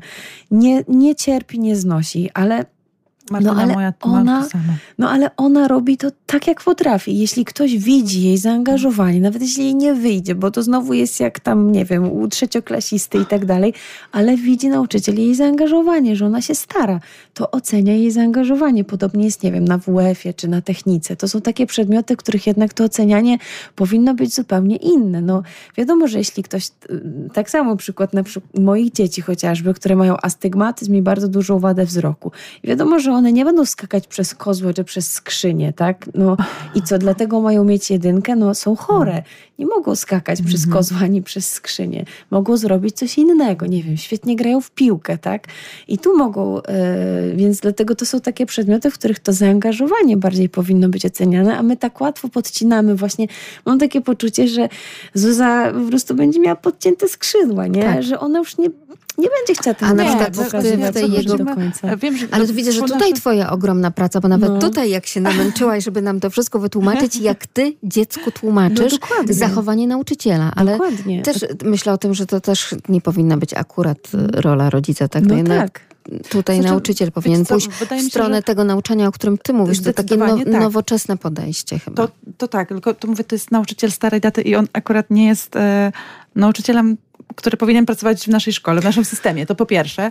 A po drugie, ja wychodzę z założenia, że wszystko jest po coś. I e, tłumaczę też, bo Zuzia ma ambicje też pójść do, już zaczęła o tym rozmawiać właśnie, e, e, że chce iść do liceum plastycznego, więc jakoś tam się musi przygotowywać. Ona Czyli już nie tym... ma podciętych skrzydeł. Nie, nie Brawo, ma matko. Nie, to jest myślę, że e, i, ro, i rodzice, i nauczyciele, i to w ogóle ro, my rozmawiamy też. Ja jej mówię, że to będzie zawsze tak, zwłaszcza właśnie w plastyce, że to jest e, artyzm e, i te artystyczne takie rzeczy, jakiekolwiek, wiążą się Mimo, że gusta są różne i o gustach się nie rozmawia, jak to się mówi, to są e, zwłaszcza w tym ciasnym gronie bardzo oceniane. I jest bardzo mm, że tak powiem, bardzo wyraziście jest to i dobitnie mówione. I właśnie mam wrażenie, że ona tak jakby dzięki temu nauczycielowi z jednej strony jest, e, przygotowuje się do tego. e, Do i późniejszej krytyki. Do, do późniejszej krytyki. że e, to też to też właśnie czegoś uczy, że to może, ona może być z tego niezadowolona. My możemy o tym mówić, że to też jest z jednej strony nauczyciel kiepski, bo dla mnie on też tak mnie jakoś tam, ale z drugiej strony to jest taki świat, gdzie dla mnie właśnie, gdzie ja z artyzmem nic nie mam wspólnego. Ja idę do galerii, żeby oglądać i mówić, obrazy mi się podobają albo nie, bo coś we mnie wzbudzają albo nie, ale nie rozmawiam o tym, czy ta kreska jest taka, czy taka, czy to taki, czy to kubizm, czy e, jakiś inny e, okres. A ona, jak chce iść do tego plastyka, to ona nie dość, że będzie musiała się zmagać z rzeczami, których nie lubi robić. Właśnie nie lubi farb, nie lubi, jako, no, nie lubi. e, Nie jest to coś, co Jasne, czy tak- inne techniki, tak. bo też będzie musiała je bo będzie wypracować. musiała je wypracować i będzie musiała się e, też zderzyć z krytyką, że e, okej, robisz, to, tobie się może to podobać, ale nauczyciel powie, że to jest beznadziejne w ogóle, że to nie o to chodziło. Więc e, to też jest ważne, żeby dziecko nauczyło się, zwłaszcza właśnie w takich sytuacjach, gdzie no, no my też mówimy, że no, nie powinno się oceniać i każdego, ale z drugiej strony jednak to jest potrzebne, zwłaszcza jeżeli te dzieci e, gdzieś tam już powoli zaczynają przygotowywać się myślami, dążyć. Ale to też y, świadczy o tym, że dziecko jest silne i wy jako rodzice w niej tę siłę dalej jakby pobudzacie. Więc- Myślę, że tak, bo jednak e, wydaje mi się, że to e, u wielu dzieciaków by wywołało takie podcięcie skrzydeł. Naprawdę, bo no nie wiem, ja właśnie dziwię się, że jeszcze nauczyciele, którzy tak pracują, dalej pracują w szkołach, bo, bo to bardzo, bardzo zamyka dzieciaki, bardzo zamyka im w ogóle perspektywę właśnie patrzenia o tej swojej przyszłości. Nie wiem, ktoś idzie na taką biologię czy chemię, wchodzi mu to po prostu jak masło, a y, jak się uczy sam, a ten nauczyciel się nad nim uweźmie. Pastwi, bo jednego pastwi. tematu nie rozumie i powie, że jesteś Na przykład, głupi i- albo, albo właśnie, albo to No. w ogóle nie tak, nie? Mhm. I, i rzuci kartką. Ale, ale co nie tak? I to dziecko zostaje z tym dylematem, o co chodzi w ogóle, ale co ja zrobiłem nie tak, nie? Tak samo jak z pracą. No to nie chodzi, to nie wystarczy powiedzieć, to jest źle zrobione, tak? Nie, nie tak to zrobiłeś. Nie, trzeba wyjaśnić, o co chodzi, co jest nie tak, co było błędem, co było, co muszę poprawić. Jak dziecko ma wiedzieć, co ma poprawić, jeśli nikt mu nie powie, co ma poprawić. No, no żyjemy w takim Ale masz rację, nie tylko dziecko, ale też absurdu, i, no. też i dorosły taki, żeby no później nie było tak, ale jak to zrobić? No, no ale to ty musisz zrobić, a nie ja. No, no ja już swoje zrobiłam, no, prawda? Tak. Co to za odpowiedź? No, dokładnie, także to są takie, mam nadzieję, że będziemy już wychodzić z tego. Mam wrażenie też, jak patrzę na nauczycieli moich córek, że ci trochę młodsi jednak już są inaczej uczeni e, na studiach i, e, i też biorą udział w wielu tych webinarach, jakichś mm. szkoleniach. Po prostu takich. też nawet rozmawiają o toku nauczania. Tak, tak czy mają prostu. dzieci też w tym wieku mhm. i e, naprawdę widzą zupełnie inne potrzeby dzieciaków i, i nawet w szkołach masowych po prostu inaczej do nich zaczynają podchodzić. E, I, i to jest bardzo, bardzo dobre, bo, bo dzieci wtedy po prostu wierzą. Jest taki film Nielot czy Orzeł. Bardzo polecam wszystkim rodzicom. Naprawdę możemy zrobić z naszych dzieci takich nielotów, e, podcinając im skrzydła e, i też nauczyciele mogą uczyć dzieci takimi niewierzącymi zupełnie w siebie, jeżeli im się na każdym kroku mówi, że coś robią nie tak, nie? Tylko nie tłumacząc, co było co tak jest? naprawdę nie mhm. tak. Nie? Jak nie wiem, wypaciem ręk, ręk, brudną ręką bluzkę, to nie, nie chodzi tylko o to, że po prostu wypaciałam, tak? Nie słuchała, nie posłuchało mnie dziecko, tylko chodzi o to, że to jest na przykład coś, co jest trudno wyprać, dlatego mm. się mhm. zezłościłam, tak? Mm. No ale to wymaga więcej wysiłku. Ale to też wymaga tego myślenia przyczynowo-skutkowego, które podobno nie jest domeną Polaków. Chociaż może też nie tylko Polaków, generalnie ludzi w takim zabieganiu i w tempie, tak? Czyli, no bo zobaczcie, ile to więcej pracy jednak wymaga. Mm, dopowiedzenie e, tego, tak, i czasu mm. oczywiście, dopowiedzenie tego, I ja wytłumaczenie. Mam wrażenie też, że tutaj chodzi troszeczkę o to pokolenie nasze, które jest wychowywane na ja co mnie strasznie irytuje coraz bardziej, e, nastawienie na ja potrzebuję psychologa, ja potrzebuję e, czasu dla siebie, e, ja jestem najważniejszy i dopiero potem ja się muszę najpierw kochać i później mogę się zająć. I zostało to za bardzo, mam wrażenie, odbite i za bardzo wzięte do siebie i się za bardzo ludziom spodobało to, że ja jestem na pierwszym miejscu, więc ja potrzebuję pójść do kosmetyczki, więc ja nie mam czasu porozmawiać z dzieckiem, tylko się wkurzę, że będę miała dwa razy więcej prania, dwa razy więcej e, robienia i nie będę już miała czasu, żeby porozmawiać z nim, bo ja się śpieszę, a ja muszę przecież odpocząć, bo jestem zmęczona, bo mam dwa razy więcej pracy. I tutaj jest koło takie, się zamyka. I koło się zamyka właśnie. I jak ja słucham, jestem strasznym przeciwnikiem tych wszystkich współczesnych coachów, nie psychologów, nie psychiatrów, tylko e, człowiek, który zrobi sobie właśnie jakiś tam szybki kurs jest i on jest wielkim coachem i mówi jak ty masz sobie spełniać swoje marzenia, to po prostu tak mi się tak, czerwona lampka zapala. Y, tutaj dobry grunt, na który padają takie słowa, to jednak niestety kobiety, prawda? I rzeczywiście... Właśnie, wiesz co... Współcześnie myślę, że czasem tak, bo tak kobiety próbują się wyzwolić trochę z tych swoich też, ról i tak. Ale mam też e, wśród znajomych bardzo dużo e, właśnie chłopaków, którzy korzystają i jakby dwa razy bardziej wierzą coachów, bo mam I w ich złote myśli. I w ich złote myśli, bo dziewczyny, tak jak przynajmniej w moim otoczeniu jest, jak się próbują wyzwolić, to ro, częściej e, są robione wypady e, właśnie coraz więcej, tak jak ja pamiętam, jak zaczynałam jeszcze bloga, jak ja wyjeżdżałam sama, żeby odpocząć, żeby to jak ty możesz wypoczywać, jak ty możesz wyjechać właśnie. One nie wierzyły, że mogą zostawić dzieci e, e, z mężem i gdzieś tam albo babcią oddać, że one, matki Polki, jak muszą, to muszą być w tym domu i cały czas już koniec czasu dla siebie nie mogą mieć. A teraz jak tak przeglądam, bo tam e, jeździmy z dziewczynami w miarę regularnie, sobie z jakimś tam towarzystwem, od, e, po prostu same e, kobiety, to e, nawet w internecie jak patrzę, to e, są nawet organizowane wycieczki już takie stricte babskie, jakieś weekendy e, dla kobiet. I dziewczyny bardziej w swoim takim towarzystwie a właśnie panowie bardziej nie pójdą do psychologa, bo przecież szybciej kobieta właśnie pójdzie do psychologa i do psychiatry, a fa faceci, mówiąc mu e, krótko, wolą e, do tego coacha pójść na jakiś, albo na jakimś webinarze, albo na jakieś spotkania, bo to tak bardziej biznesowo brzmi i to jest bardziej tak nacechowane, tak mam wrażenie, bardziej męsko niż tak, e, gdzie byłeś? Ono na szkoleniu weekendowym u coacha e, albo... E, Lubią udawać. Takie mam wrażenie. Lubią udawać, tak, ale tutaj mówisz o takim egoizmie e, tak, współczesnych e, tak. rodziców. No to też się zauważa, tak? Też to widzisz mhm. w szkole? Nie tylko w szkole, w ogóle, do, dookoła tak naprawdę. Nawet e, właśnie jako rodzice, że że mm, musimy pamiętać też o sobie. Oczywiście. Bo nasz mhm.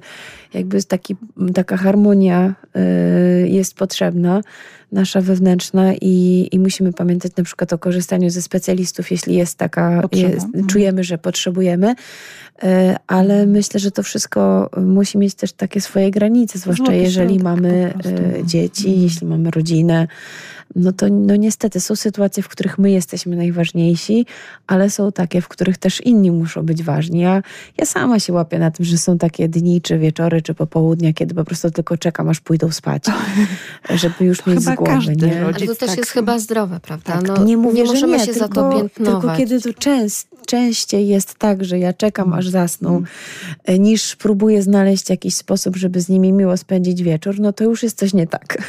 Nie? Więc, a mam, mam takie poczucie, że właśnie te komputery też pomimo zdalnego, te tablety, komórki, gry i tak dalej, to, to niestety, ale często są te substytuty, żebyśmy my mieli jednak wolne, a dzieci miały zajęcie i żeby było cicho i spokojnie. I, I, tak się to kończy później. Tak, a później się zastanawiamy, gdzie to dziecko. tak? Y, albo czemu jest takie, a nie inne. I to nasze myślenie, że jak siedzi w pokoju przed laptopem, to jest bezpieczne, no bo jest w domu. Jest cicho, nie ma ludzi. Ale nie też tak na, no tak, na głowę mu nie kapie, no to na pewno tam jest bezpieczne, mm. tak? A ono niekoniecznie Właśnie. te bezpieczne rzeczy jakby ogląda i tymi bezpiecznymi rzeczami się karmi, tak? I to jest chyba też e, później takie no bardzo trudne do naprawienia. Ciągle jeszcze na szczęście trwają ferie, wy dalej szyjecie? Nie, właśnie my w tym tygodniu już nie szyjemy. E, było pieczenie wczoraj babeczek, były kulinarne, karnawałowe wypieki, e, warsztaty jednodniowe takie. No jeszcze jak mi powiesz, że twoje dziecko nie dość, że szyje, szydełkuje, robi na drutach, to jeszcze będzie na przykład pączki smażyła. Y, w tym roku nie wiem, ale ciasteczka i babeczki już robi, także e, kto wie. No, pozwalam jej na to, bo sama lubiłam zawsze pomagać i teraz mamy babcię, to może z babcią coś tam będą, jakieś faworytki e, e, trzaskać o, o tym bardziej, że faworki robi się dość ciekawie, inaczej niż normalne ciasta, więc no, jutro jest e, i babcia, e, i będzie nasza sąsiadka też e, robiła, także może Martyna będzie chciała spróbować gdzieś zobaczyć, bo ja się nie zabieram w tym roku za, za faworki. Nie będziesz mięśni swoich męczyć. Nie, tak? nie. Ale to, to jest chyba sympatyczne. No i w końcu ta radość, tak, że babcia jest. Oj, bardzo. No, dla nich to jest prababcia, także to moja babcia udało się, że przyjechała. E, ja się bardzo cieszyłam i się śmiałam, bo pierwsza rzecz, jaką usiadłyśmy, to usiadłyśmy i babcia wyciągnęła druty. E, no to co teraz robimy? A mój Grzesiek przyszedł, nie, no babcie dwie siedzą, tak? A ja naprawdę bardzo czekam na ten moment, kiedy babcia powie, że jestem gotowa na to, że już mogę robić skarpety z babcią. No i nawet tym nowoczesnym dzieciom potrzebna ta integracja pokoleń. Tak, bardzo. I y, bardzo się cieszymy na jutrzejszy dzień. Właśnie dzisiaj byliśmy na ploteczkach u sąsiadów, których też bardzo gorąco pozdrawiam, bo wiem, że będą słuchać. E, I jutro właśnie wielopokoleniowy stół będzie i robimy sobie już e, tłusty czwartek w tłustą środę i będziemy grać. E, się śmiejemy, że znowu... Robicie Wigilię Tłustego Czwartku. Tak, właśnie, robimy Wigilię Tłustego Czwartku. Razem z grami będzie hazard, bo będziemy grać w bingo na pieniądze, więc się śmie... już młodzi się śmiali, że muszą rozmienić, jechać do miasta, rozmienić pieniądze. Bo to nazwa zdobyć na początek pieniądze, bo teraz wszystko A... telefonem płacimy. No, tak, e, przede wszystkim. Także no, e, staramy się, żeby wszystkie pokolenia gdzieś tam ten czas jednak ze sobą mogły spędzać i, i jak najczęściej, chociaż u nas to tak U was trudno, bo dzielą was te dość kilometry. długie kilometry, tak, ale też pandemia nas podzieliła, dlatego ty też z taką radością, Paulina, opowiadałaś o tym, że dzieci tak się cieszyły, tak, że będą nocować u dziadków. Tak, chociaż jakoś y, ich radość minęła. Nie wiem, chyba jakieś konflikty tam się pojawiły, bo już dzisiaj dostałam SMS właśnie od najstarszej córki, że już tak tęskni, chciałaby wrócić do domu. Więc myślę, że zazwyczaj tak pisze. Aż, aż jestem jest, ciekawa, jakie to mogą jak być. Jak jest u babci i tam coś jednak niesnaski, bo babcia sobie nie pozwala. Więc, Ale to dobrze. No bardzo dobrze. Bo dlatego... ciągle mówimy o tym, że babcie takie uległe i nie, właśnie wszystko nie. można. Babcia sobie nie pozwala, więc myślę, że po prostu doszło do jakiegoś starcia charakterów y, i, i dlatego y, już tęskni bardzo i chce wrócić do domu. Ale to dobrze, bo widzi, to też uczy, że nie tylko rodzice są tymi, którzy po prostu stawiają czasem granice. stawiają granice, mhm. nie? Tylko, że dziadkowie też potrafią. I że też mogą. I że też mogą, dokładnie. Także nie, no zadowolone są na pewno dziewczyny. No to i tak rodzice jest, teraz. Tak, to i tak jest jak najlepszy krok, więc y, cieszycie się, że dzieci wracają do szkoły. Bardzo. tak, już... I że nie ma kwarantan z kontaktu. Tak. Moja córka najbardziej się z tego powodu ucieszyła, mamo, czyli mogę zacząć chodzić do świetlicy. Mówię, tak, możesz zacząć chodzić do świetlicy, bo my mieliśmy dwie czy trzy nawet kwarantanny po, ze względu na 15 minut przebywania w świetlicy, o. więc Esterka przestała chodzić do świetlicy. E, no jednak to jest też ten element, w którym się życie odbywa no właśnie, szkolne, więc... Nie to rygorystyczne, gdzie one mogą robić no i właśnie, spędzać. więc czekała na to i teraz No i te zajęcia plastyczne, o których też dzisiaj całkiem sporo rozmawiałyśmy, to też jest mm. właśnie miejsce, czyli ten stolik świetlicowy, tak? Dokładnie. Wspólnych działań plastycznych, organizowania tak. różnego rodzaju takich zabaw, prawda, mhm. kreatywnych. Mm. Bo podobno zabawek to nie można było dotykać. Nie wiem, jakoś no, myślę, że to bardzo zależy od szkoły. Myślę, że to zależy od szkoły. Trudno jest tak dzieci kilka godzin trzymać bez e, dotykania, dotykania zabawek. E, Bardziej, że one między sobą się dotykają, więc takie no właśnie, trochę dziwne. Ale to wiadomo, Ale że tych absurdów... Szkoły, tak, i od dyrekcji też to na pewno. Absurdów było całkiem sporo. Wiadomo, że na początku e, te wytyczne sanepidowskie tak. były takie restrykcyjne, no bo tak naprawdę do końca jeszcze nikt nie wiedział, z czym miał tak, do czynienia. Natomiast na mnie mimo wszystko jednak ten widok taki karny tak naprawdę dzieci w maseczkach w takich miejscach typu no sklep oczywiście tak, ale no kościół, właśnie ta szkoła, prawda, ten korytarz y, szkolny, y, takie to napominanie się ciągłe, prawda, czy ty masz maseczkę, czy masz maseczkę, czy założyłeś, założyłaś. No to no, świadczy o tym, że, że nasze dzieci no, jednak rzeczywiście dostosowały się nad wyraz e, do tej trudnej rzeczywistości, takiej, której my w ogóle nie chcielibyśmy im jako rodzice fundować, prawda? Tak, ale właśnie ja dzisiaj nawet tego doświadczyłam, bo pan mnie uratował przed mandatem policyjnym w galerii bez maseczki. Zapomniałam ją założyć. Ja akurat szedł patrol i już zaczęłam się y, w środku denerwować, że mi pan mówi, że mam założyć maseczkę, ale pokazał mi palcem, że idzie policja, więc ja po prostu już ze względu na swoją kondycję, to niestety czasem jej nie zakładam. Jest mi trudno w niej oddychać, ale dzisiaj bardzo dziękowałam panu, mi zwrócił na to uwagę. Także no właśnie, te maseczki nie wiem, czy nas kiedyś opuszczą, ale oby. No to dziwny taki świat jednak mimo wszystko, prawda? Ten zakryte, no zwłaszcza w szkole i to jest, maseczka jednak mimo wszystko hamuje nawet e, te, to wybieganie się dzieci, no bo kwestia nawet tego no szybszego tak. oddychania, prawda? Nie mhm. wiem, jakie są twoje właśnie doświadczenia jako nauczyciela, Oczywiście. ale prawda? Mhm. To jest, no Pewnie, że tak. To jest w ogóle bardzo, bardzo e, trudna kwestia. A teraz już e, zapowiadany wcześniej e, tata tak naprawdę. I to nie byle jaki tata. Tata dziesięciorga dzieci, jeden z założycieli, prezes Stowarzyszenia Akademia Familijna, Janusz Wardak. Wow, tak, to doświadczenie rodzinne jest tutaj całkiem spore. Autor wykładów, warsztatów i artykułów poświęconych wychowywaniu dzieci, miłości małżeńskiej, ale przede wszystkim właśnie temu życiu rodzinnemu. I to on dziś będzie mówił, Janusz Wardak, o tym, jakie granice należy stawiać nastolatkom. Mówimy o okresie dorastania nastoletnim. Tak naprawdę ja bardziej lubię tą nazwę dorastanie niż dojrzewanie i, i ona jest pełniejsza, bo kiedy mówimy o dojrzewaniu, bardziej się skupiamy na aspekcie biologicznym, a tak naprawdę mówimy o dorastaniu. To słowo od razu nas kieruje w dobrą stronę, dlatego że nam mówi o tym, że chodzi tutaj o to, o kierunek ku dorosłości, tak? Dorastanie, jeszcze nie jestem dorosły, dorastam. Czyli okres, jest to okres przejściowy, to jest bardzo ważne słowo, przejściowy, co jest też daje nadzieję, prawda, że to się kończy. Ale też wiele rzeczy nam wyjaśnia, e, tak, że to nie jest, to, to nie jest normalne, pewne rzeczy nie są normalne. Ostatnio czytałem, jak, że, człowiek zachowa, że człowiek zakochany jest nienormalny, tak, z punktu widzenia psychologicznego naprawdę ma wiele objawów y, chorób, różnych chorób psychicznych, tak, i to też mija, tak. Pytanie potem, co my, co my robimy, co my robimy z tą miłością, która trwa później. Więc to mija. E, Nosi w związku z tym wiele znamion kryzysu, Natomiast to jest bardzo ważna sprawa i, i jak jedną rzecz panowie by chcieli stąd wynieść, to być może właśnie to. Jest to niezbędne do pełnego rozwoju człowieka. Ja uważam, że świetną analogią, yy, nie, nie moją, dlatego mówię, że świetną, jest, jest rozwój motyla. Bo proszę zobaczyć, jak się rozwija motyl. Ro, najpierw mamy gąsienicę, potem mamy poczwarkę i potem mamy y, motyla dorosłego, który się nazywa imago. Taka jest nazwa oficjalna.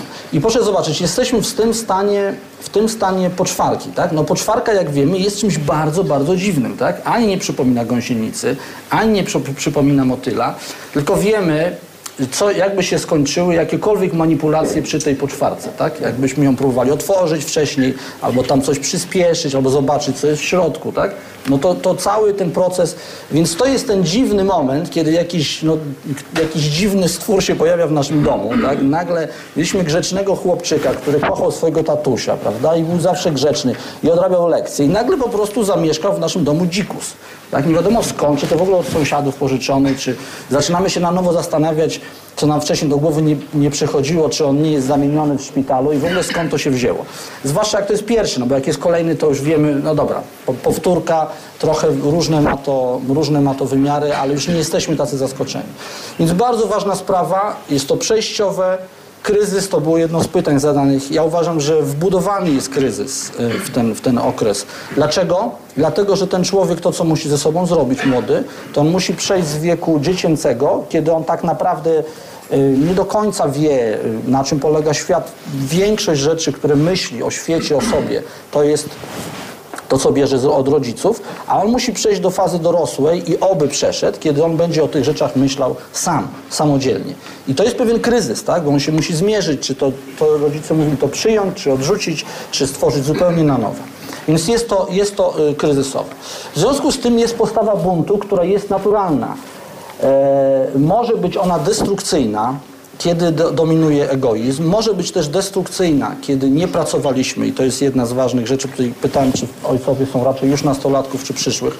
Otóż lepiej to przewidzieć wcześniej i pracować wcześniej nad naszymi relacjami z synem. Znane są takie historie, prawda, jak, jak syn tam się upomina, tato, tato, poświęć mi trochę czasu i tato mówi, nie, nie mam czasu, nie mam czasu, a potem to ojciec, synku, powiedz, a co w szkole? Nie, tam nic ciekawego, tak? Co tam będziesz mi y, stary tutaj truł? Ja ci nie mam, nie mam z tobą żadnej relacji, ja ci nic nie powiem. Więc natomiast ten, ten, ta postawa buntu może być też konstruktywna. Może to być bunt przeciwko własnym słabościom, tak? Że ja widzę, kurczę, no nie umiem się uczyć, nie mogę. Nie, ale jednak się wezmę. Widzę tutaj jakąś perspektywę, egzamin, studia. E, może to być stawianie sobie ambitnych celów, tak? Na przykład mój syn y, w szkole udała nam się bardzo fajna rzecz w szkole dla chłopaków. Mamy od tego roku siłownię.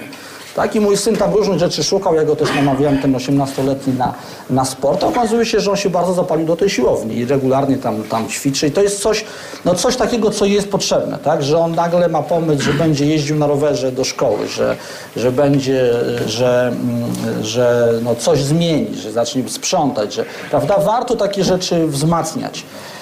E, bunt przeciwko niesprawiedliwości i złu na świecie jest takie powiedzenie, jak, to było, kto nie był y, socjalistą za młodu, będzie łajdakiem na starość, tak? No to jest właśnie to, to znaczy socjalistą nie w znaczeniu konkretnie socjalistą, tak? Tylko w takim myśleniu, że ja widzę, że jest na tym świecie zło, że, że widzę, że są jakieś rzeczy, które, na, na które się nie godzę, tak? Po ludzku się nie godzę, tak? Stąd też duże zaangażowanie w różne ruchy i lewicowe, i w Polsce dzięki Bogu też, i patriotyczne, i ruchy pro-life właśnie w tym okresie, tak? Dlatego ci ludzie po prostu patrzą bardzo prosto na świat. Jak to? to nie, nie, ja się nie godzę na te rzeczy. Tak? I to jest wspaniałe, byłoby fatalne, gdybyśmy to próbowali y, ścinać. Tak? I taki, taka osoba, która w wieku nastoletnim już jest takim mm, do, dorosłym, prawda? która już cynicznie i, i z dystansem patrzy na świat, no to jest fatalne. To jest osoba, która, która nie, nie, ma szansy, mm, nie ma szansy dorosnąć. Więc ten bunt można i należy ukierunkować. Jedna z rzeczy na przykład, którą robimy w tym roku na nowo, tak próbujemy, wydaje się, że to będzie lepiej wychodziło na, nawet tego nie nazywamy wolontariatem, bo to nie jest dobrowolne, jest to obowiązkowe w ramach lekcji wychowawczych. Y, Chodzimy do domu, y, takiego domu, w którym, ośrodka, w którym się zajmuje dziećmi upośledzonymi. I autystycznymi, i upośledzonymi fizycznie, tak? I tam chłopcy, krótko tak nawet to jest raz w tygodniu, y, półtorej godziny, dopiero zaczynamy to, ale ta konfrontacja dla nich z czyimś nieszczęściem, niektórzy już teraz mówią, co mi obchodzi wprost, tak? Są ludzie po prostu, jednym się udaje w życiu, drugim się nie udaje, co ja mam do tego. Ale są tacy, którzy mówią, no jednak to daje mi inną perspektywę, bo moim, ja miałem problemy jakieś tam, prawda, że, że y, mama mi nie kupiła nowego smartfona, a ten człowiek mi opowiada o tym, że go dwa razy kierowca się nie zatrzymał, kiedy on machał, on jest na wózku i nie mógł wjechać, tak, nie dojechał do ośrodka i zmarzł i tak dalej. Zupełnie inna e, perspektywa.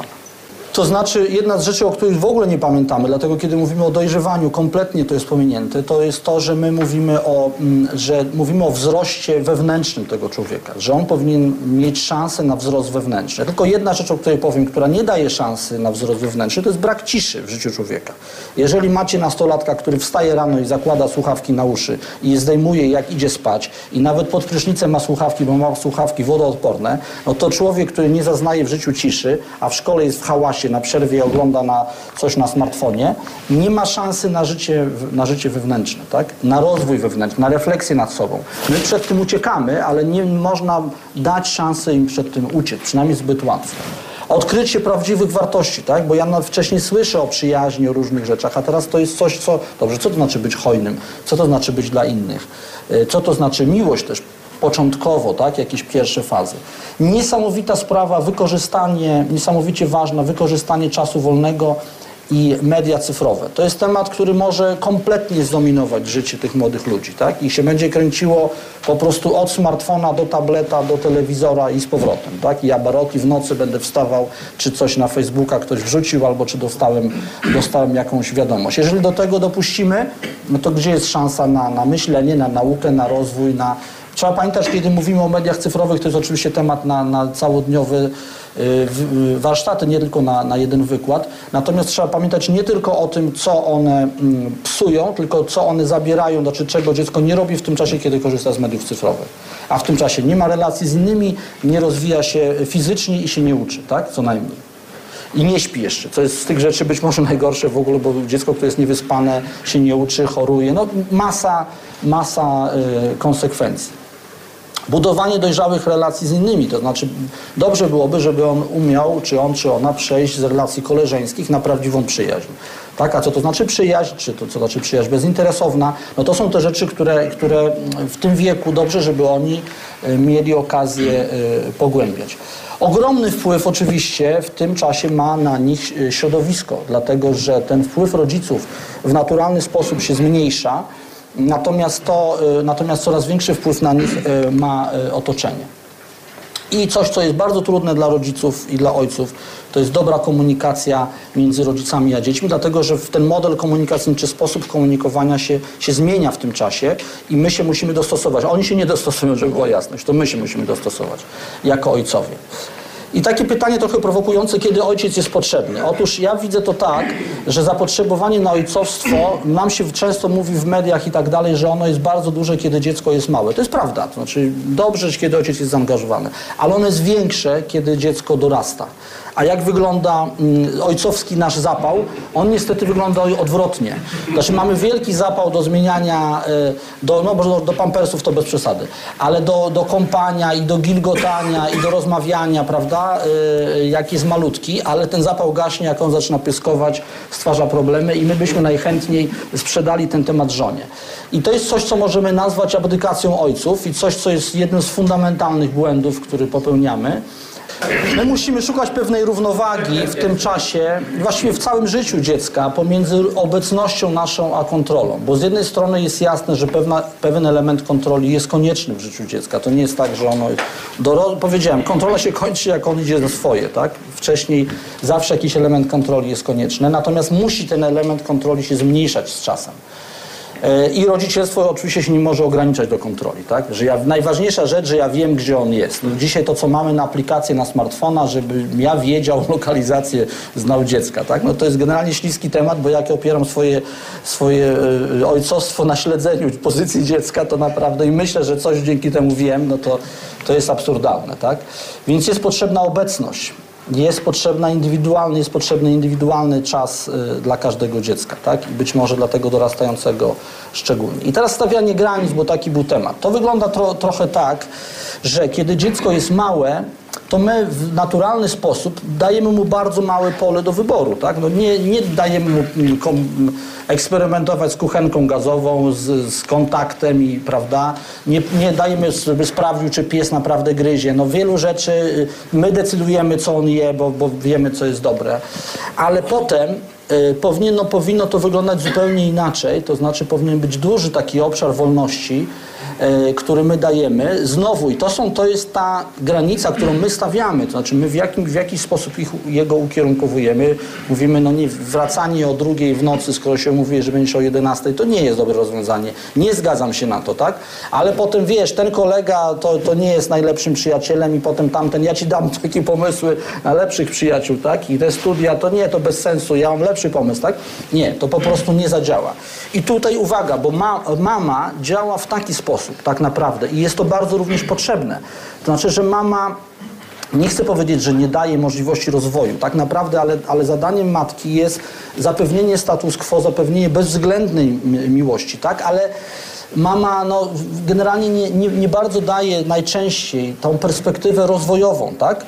Ona by chciała, żeby była, była duża kontrola nad dzieckiem. I tak jak mówię, tutaj jest, jest pewny kierunek, że zadaniem ojca jest wypychanie dziecka do życia dorosłego, aż w takim momencie, kiedy, kiedy ja nie, kompletnie tego nie kontroluję, tylko mogę być obserwatorem, życzliwym doradcą, ale nie zajmuję się mm, już stawianiem granic. Kilka rad bardzo ważna sprawa właśnie, żeby z tej relacji, która się staje trudniejsza w tym czasie, bo, bo, bo to nie jest już grzeczny synek, on nie będzie bieg. Jak ja wracam do domu, to mój Józio dwójpółletni biegnie do, do mnie i krzyczy tata i łapie mnie za nogę, ale jest jedyny w domu, który wybiega i woła tata, tak? Mój osiemnastolatek nie woła, tak? A, coś tam ledwo zauważy, tak? Nie można na to liczyć, że to tak, że to tak dalej będzie. Druga rzecz, nie wierzyć, że dziecko już jest wychowane. Bardzo często my dość wcześnie wierzymy albo udajemy, że wierzymy, że dziecko już jest wychowane, że może pójść na przykład do jakiejkolwiek szkoły i nie, ważne, żeby tam były wyniki, że nie waży ci koledzy, no może są podejrzani i w ogóle to towarzystwo, w które on wpadł, ale bez przesady, on już jest, naprawdę tak nie jest, tak? O, to jeszcze daleko jest do ukształtowanego dziecka. Nawet osiemnastolatek nie jest ukształtowany nie wierzyć też absolutnie, że inni za nas tą robotę odwalą. To jest kom kompletna fikcja. E, słuchać do końca, to jest taka jedna z rzeczy komunikacyjnych, że nie, nie, nie wyskakiwać z naszymi odpowiedziami, nie myśleć, że no przecież ja go znam, znowu wchodzi w te stare swoje tory. Wyrażać akceptację, co jest trudne, wyrażać akceptację dla osoby i bezwarunkową miłość. My ojcowie mamy z tym problem, i prawda, mamy, ma, możemy popaść w taką postawę, dobra, jak nie, to nie bez łaski, nie będę ci się narzucał i tak dalej, ale y, y, narzucać się nie trzeba, ale trzeba okazywać bezwarunkową miłość. On popełnia błędy, on nie robi tego, co my byśmy chcieli, co więcej, nie robi tego, co uważamy, że jesteśmy przekonani, że jest dobre, on czy ona, ale i tak tą miłość trzeba mu okazywać.